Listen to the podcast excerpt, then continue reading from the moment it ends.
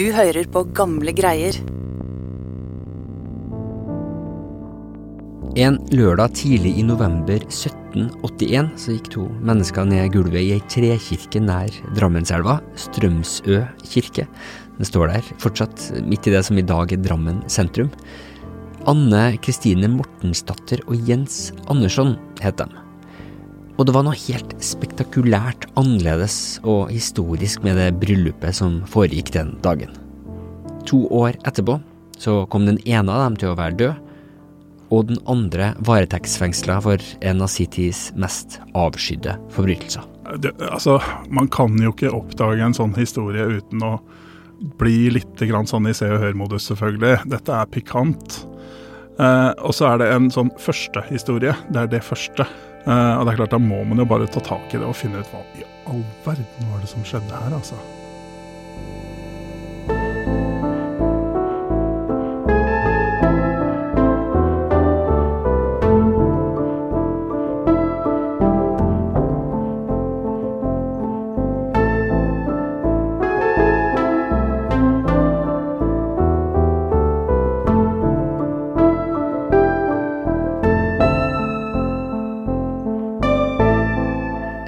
Velkommen inn i det lille studioet mitt her i kjelleren under Nasjonalbiblioteket i Oslo, hvor jeg skal lete frem dunkle drama og glemte liv fra Norges historie. Jeg heter Askild Matre Aasare.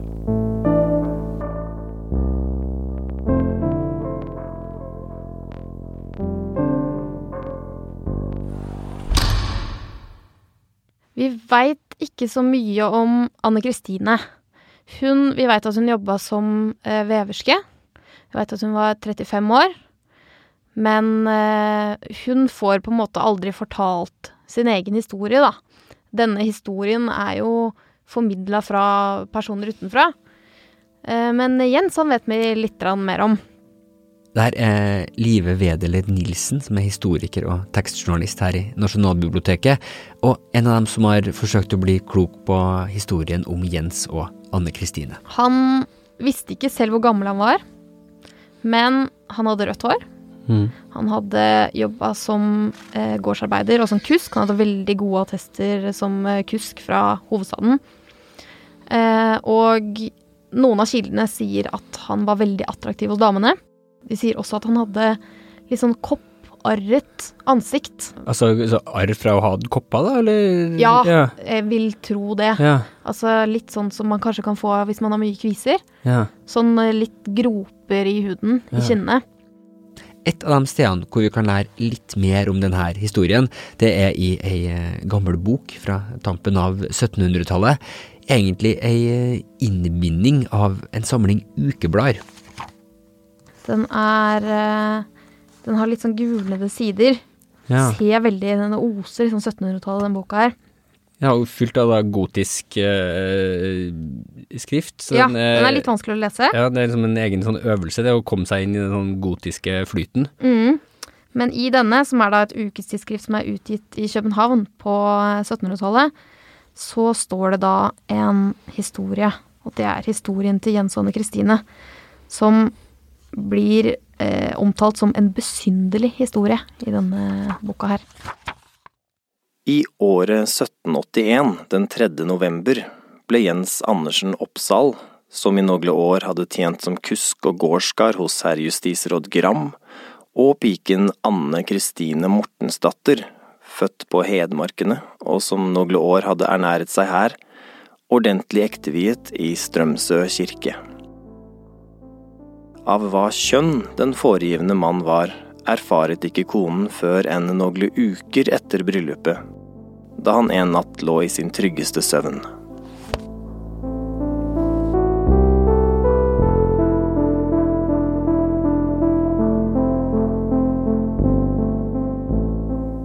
To år etter denne natta så går Anne Kristine Mortensdatter til en sogneprest med det dystre navnet Mørk og hun betror seg og sier at hun har blitt sveket. Hun gifta seg jo med Jens den dagen i den kirka. Eh, og jeg liker å se for meg at de sto under den altertavlen som fortsatt står der, som er en kjempestor, ganske mørk, litt sånn nesten sort altertavle med bilde av eh, Jesus og disiplene som spiser det siste måltidet før Jesus blir forrådt. Og det er på en måte noe av det den historien her handler om også. For Anne Kristine hun kommer til sognepresten med en ganske spesiell historie for det århundret. Hun sier at hun har blitt lurt. At uh, Jens ikke er en mann, men en kvinne. Og det sier hun at hun fant ut av omtrent to uker ut i ekteskapet, da Jens kom hjem kjempefull, og hun måtte hjelpe han av med buksene. Og da oppdaget hun at det hun ventet å finne, ikke var der. Så det er altså to uker etter at de var gift, så det var ikke noen som da, hvis man skal tro Anne Kristine, noen som da sprang i vei for å, for å fullbyrde ekteskapet, da? Nei, og det er liksom noe av det som de på den tiden også fant litt rart. Fordi uh, i en tid hvor noe av hensikten, kanskje det viktigste med ekteskapet, var nettopp det å få barn, så forteller både Jens og Anne Kristine at ingen av dem var egentlig så veldig opptatt av å få barn. Og derfor så hadde de heller ikke noe behov for å ha sex. Uh, og derfor gikk det altså to uker før Anne Kristine fant det ut. Og hun forteller også at grunnen til at hun ikke har fortalt det før omtrent to år etterpå, er at hun var veldig flau. Hun var flau over å ha blitt lurt, og hun var flau over at det hadde skjedd. Det som skjer, er at presten sender en beskjed til biskopen som igjen sender en beskjed til amtmannen. For det Dette var jo egentlig ikke noe som angikk kirken så veldig. I kirken, for kirken sitt vedkommende, så var det bare aldri skjedd. Ekteskapet hadde aldri skjedd. For det var ikke mulig å gifte seg for en kvinne, en kvinne å gifte seg med en annen kvinne. Nei, det, var, det ble automatisk liksom annullert, tenkt, ja, det hadde, bare, ja. det hadde bare ikke skjedd. Ja. Mens for amtmannen så var det jo et lovbrudd. Ja. For i Kristian 5.s lov så står det at eh, slike forbrytelser skulle straffes med bål og brann. Ja. Det var ganske alvorlig. Du har funnet frem, og det kan jo hvem som helst egentlig gå og finne inne på, på Nasjonalbiblioteket sine sider, eh, denne lovteksten fra slutten av 1600-tallet. Eh, hvis man klikker seg inn der, så er det der også da i, i tjukk gotisk skrift, kapittel 8 så er det vel paragraf 15, ja. Omgjengelse som er imot naturen straffes med bål og brann, ja. Mm. Så det her er jo egentlig en av de aller verste syndene du da kan, kan begå. Mm. Ja. Og så er det litt uklart om det var like strengt for kvinner som for mm. menn. For det fins flere eksempler i historien på homofile som har måttet bøte med livet, rett og slett, eh, på grunn av dette. Men eh, så vidt jeg vet, ingen kvinner. Mm. Men straffarbeid var en veldig sannsynlig straff. Etter at Anne Kristine forteller presten, som så forteller amtmannen om det som har skjedd, så blir Jens arrestert. Fra fangenskapet så forteller han en annen gjengivelse av hendelsene bak ekteskapet mellom dem to. Han har en litt annen historie om eh, Anne Kristine. Han sier at eh, hun var klar over det hele tiden, og at de hadde inngått ekteskap rett og slett for å ha noen å dele livet med. Ja. Og så sier han at uh, det hadde gått helt fint Eh, fram til det flytta inn en matros hjemme hos dem. Så de leide ut et rom til, til, en matros, rett og slett? Ja. ja. Og ifølge Jens så skal Anne Kristine ha blitt forelska i den matrosen og ønsket å skille seg fra han. Og det var jo ikke noe som var så innmari lett på den tiden. Nei. Mm, og så begynte Jens å drikke av de problemene. Og Anne Kristine gikk da med historien til presten. Ifølge Jens så visste altså Anne Kristine godt at han hadde en kvinnekropp, og hadde helt åpent gått inn for å dele livet sitt sammen med Jens. Et samliv som gikk ut på å arbeide for felles nytte og fordel, som Jens under saka mot han beskrev det. Hvor sannheten ligger, er det vanskelig å komme helt til bunns i i dag. Ei anna gåte er hva Jens sjøl så på seg sjøl som. Det som er veldig interessant, er at det blir utført en medisinsk undersøkelse på Jens. Og den undersøkelsen sier at eh, Jens er et fullkomment fruentimmer. Mm. Altså, han er en kvinne i kroppen. Men så spør de Jens, og han sier at eh, jeg veit ikke, jeg tror jeg kan være begge deler. Det var veldig vanskelig. Det var et veldig lite ordforråd man hadde. Eh, Et ord som veldig ofte dukker opp, eh, eller rimelig ofte i hvert fall i kildene, er tvitoling, eller varianter av det. Det her er Chris Nyborg, han er historiker og, og rådgiver på Lokalhistorisk institutt på Nasjonalbiblioteket, og en av dem som har dykka ned i fortellinga om Jens Anne Kristine og Norges første samkjønna ekteskap. Det kan bli brukt om hermafroditter, altså de som faktisk er født med dobbeltsett kjønnsorganer. Eh, Det er jo noe man i dag korrigerer umiddelbart, men som man før måtte leve med. Eh, Og eh, så blir det også brukt om de som har et annet kjønnsuttrykk enn det tildelte biologiske kjønnet deres. Altså menn som oppfører seg feminint, eller kvinner som oppfører seg maskulint. Det går mye på oppførsel. Ja, for kvinner kunne det nok være å våge å ta på seg mannsklær til en viss grad. Det ble det bråk av, men det gikk. For menn å ta på seg kvinneklær er på en måte hakket verre igjen. Da blir det skandale. Men, eh, men det var nok litt det å, å velge eh, gjøremål som ikke passa inn i kjønnet ditt. Kvinner som hogde ved. eh, den slags ting. Hvor- Hvordan er Jens til, tenker du da, i akkurat det begrepet? Ja, Det er veldig vanskelig å plassere Jens egentlig, for vi, vi har noen av hans egne ord om, om hva han er. Jens sin forvandling skjedde ganske tidlig i livet. Eh, Det kan være at eh, Mari, som Jens het den gangen, så at verden ikke er spesielt pen mot kvinner. Eh, og, så at det er et ufritt liv med få valgmuligheter. Jeg har lyst til å gjøre noe annet, så jeg gjenskaper meg sjøl som Jens. Det kan også hende at det er en mye dypere kjønnsforståelse eh, der. At, at Jens føler rett og slett det er fanga i feil kropp-tankegangen som vi snakker om nå. Uten mulighet for å korrigere det med noen hormoner eller med eh, operasjoner eller noe annen mulighet sånn. Men han kan korrigere eh, hvordan han lever ved å oppføre seg som mann, kle seg som mann, fungere som mann på alle måter eh, i samfunnet, bortsett fra at under klærne så er det en kvinnekropp fortsatt, da. Hva tenker du om liksom, det språket han da sjøl bruker, eller måten han omtaler det på, sett inn i vår sammenheng og i, i sin egen tids sammenheng? sammenheng?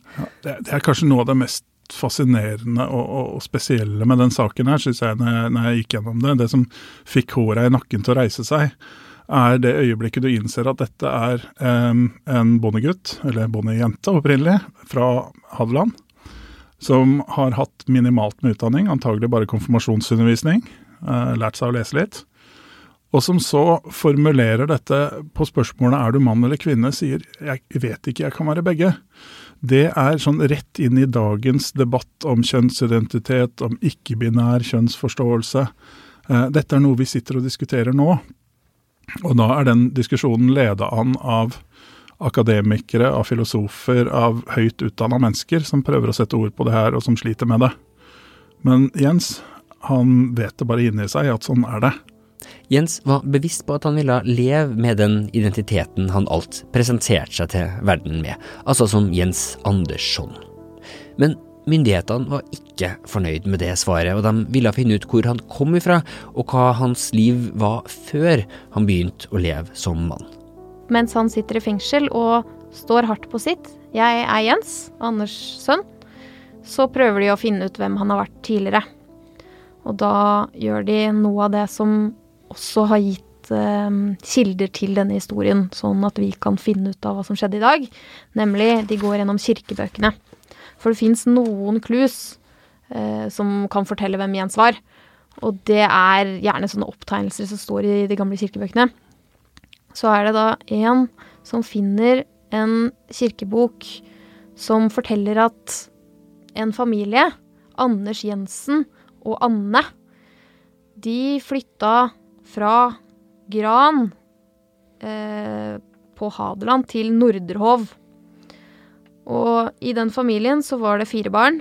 Det var Sigrid, Mari, Jon og Jens. Ja. Og Mari, den ene datteren, hun skrives det at uh, likte mannsarbeid, eller kom det fram seinere, at, at likte mannsarbeid fra ganske tidlig alder. Og da broren Jens døde ung, så tok hun hans navn og identitet og uh, flytta. Mari, eller Maren som hun også kaltes, Anders' datter, tok med seg navnet til sin avdøde bror, og gjenoppsto altså som Jens Andersson. Der virker det som om myndighetene hadde kommet til bunns i den sannheten de ville finne om han. Så hendte det som fikk Jens til å knekke sammen. Det skjer noe som var veldig vanlig på 1700-tallet. Etter at Jens har sittet i fengsel i flere måneder. Så i desember det året så dør Anne Kristine ung. Og Jens, som har stått på sitt og nektet å bøye seg, han blir veldig fortvila. Og i den boka som jeg har med her, så står det at han gråt av fortvilelse. Han var så lei seg for at Anne Kristine hadde gått bort. Og da knekker han sammen og skriver en, et brev hvor han ber om tilgivelse. Eh, og da undertegner han med Mari, eller Maren Andersdatter. Mm. Altså navnet som han ble født med, da. Ja, så han gjør knefall for staten, egentlig, da. Ja.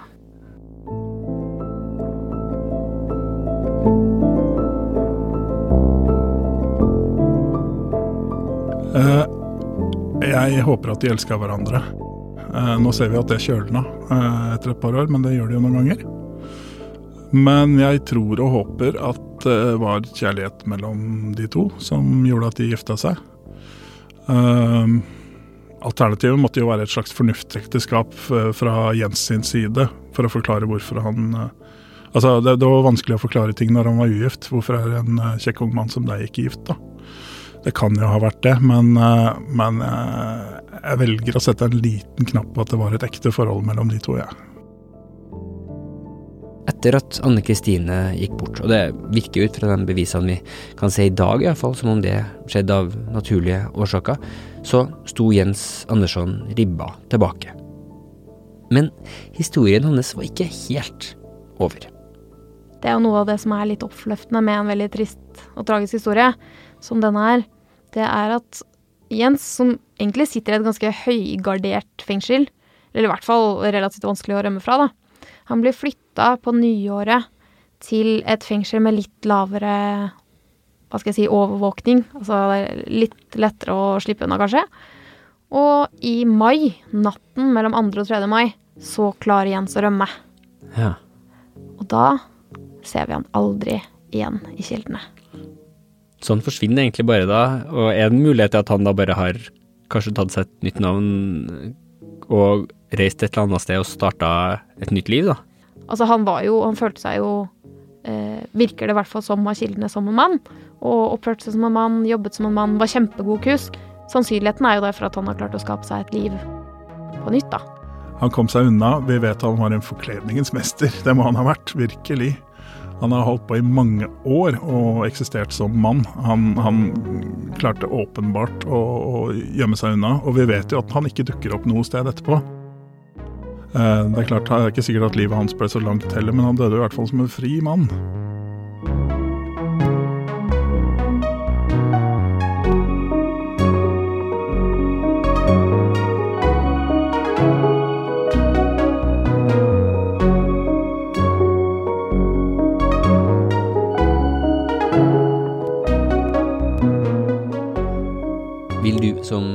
På, lese mer om denne eh, fortellinga, så gå inn på nasjonalbiblioteket.no, eller nb.no, og klikk deg frem til historier fra samlingen.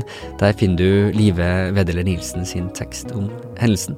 Lokalhistorieviki-artikkelen til Chris Nyborg den finner du på lokalhistorieviki.no, om du søker på Norges første samkjønna ekteskap. De to de eh, bygger bl.a. videre på eh, arbeid som er gjort av Nils Johan Stoa. Han har skrevet ei bok som heter Kjødets lyst fortellinger om synd og straff, som er ei bok som handler om historiske kriminalsaker hvor seksualitet har stått sentralt. Og Skeivt arkiv De finner du på skeivtarkiv.no. De tar vare på å dokumentere og formidle skeiv og LHGB-historie. Det er en fantastisk ressurs som jeg vil anbefale alle å ta en titt på sjøl. Musikken du hører i bakgrunnen nå, den er spesialkomponert av Therese Aune. Liker du hennes musikk, så finner du mer av den inne på thereseaune.com, eller på de fleste strømmetjenester. Stemmen som leste utdraget fra den eh, pikante ukebladartikkelen fra 1700-tallet, var Jørn Arild Grefsrud.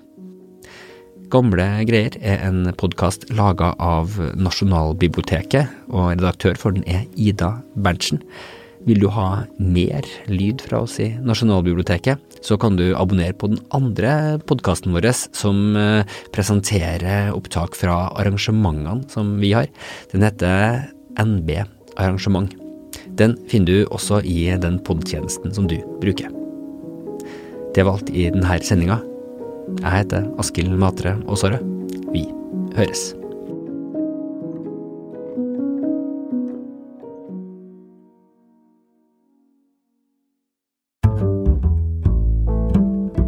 Jeg er grenseløst ulykkelig. Ett ord fra deg kan ta smerten fra meg. La det ikke utebli, men gi meg det snart. Jeg elsker deg, du forferdelige menneske.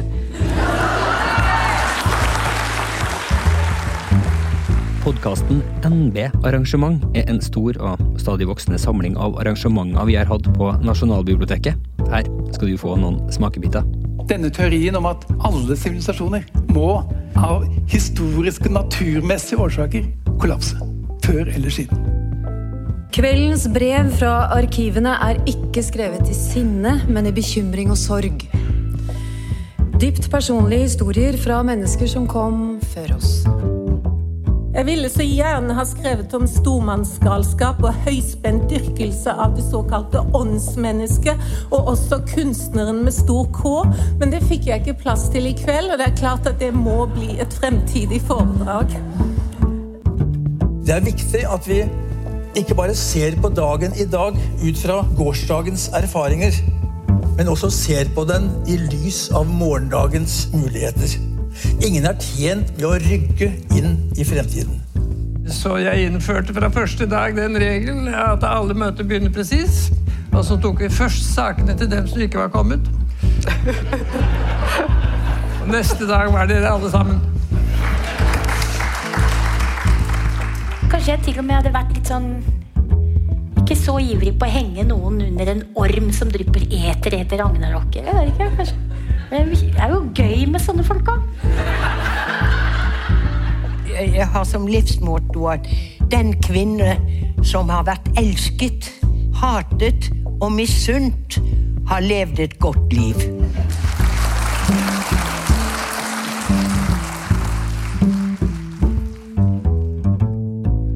De her arrangementene og mye mer det finner du altså i podkasten NB Arrangement.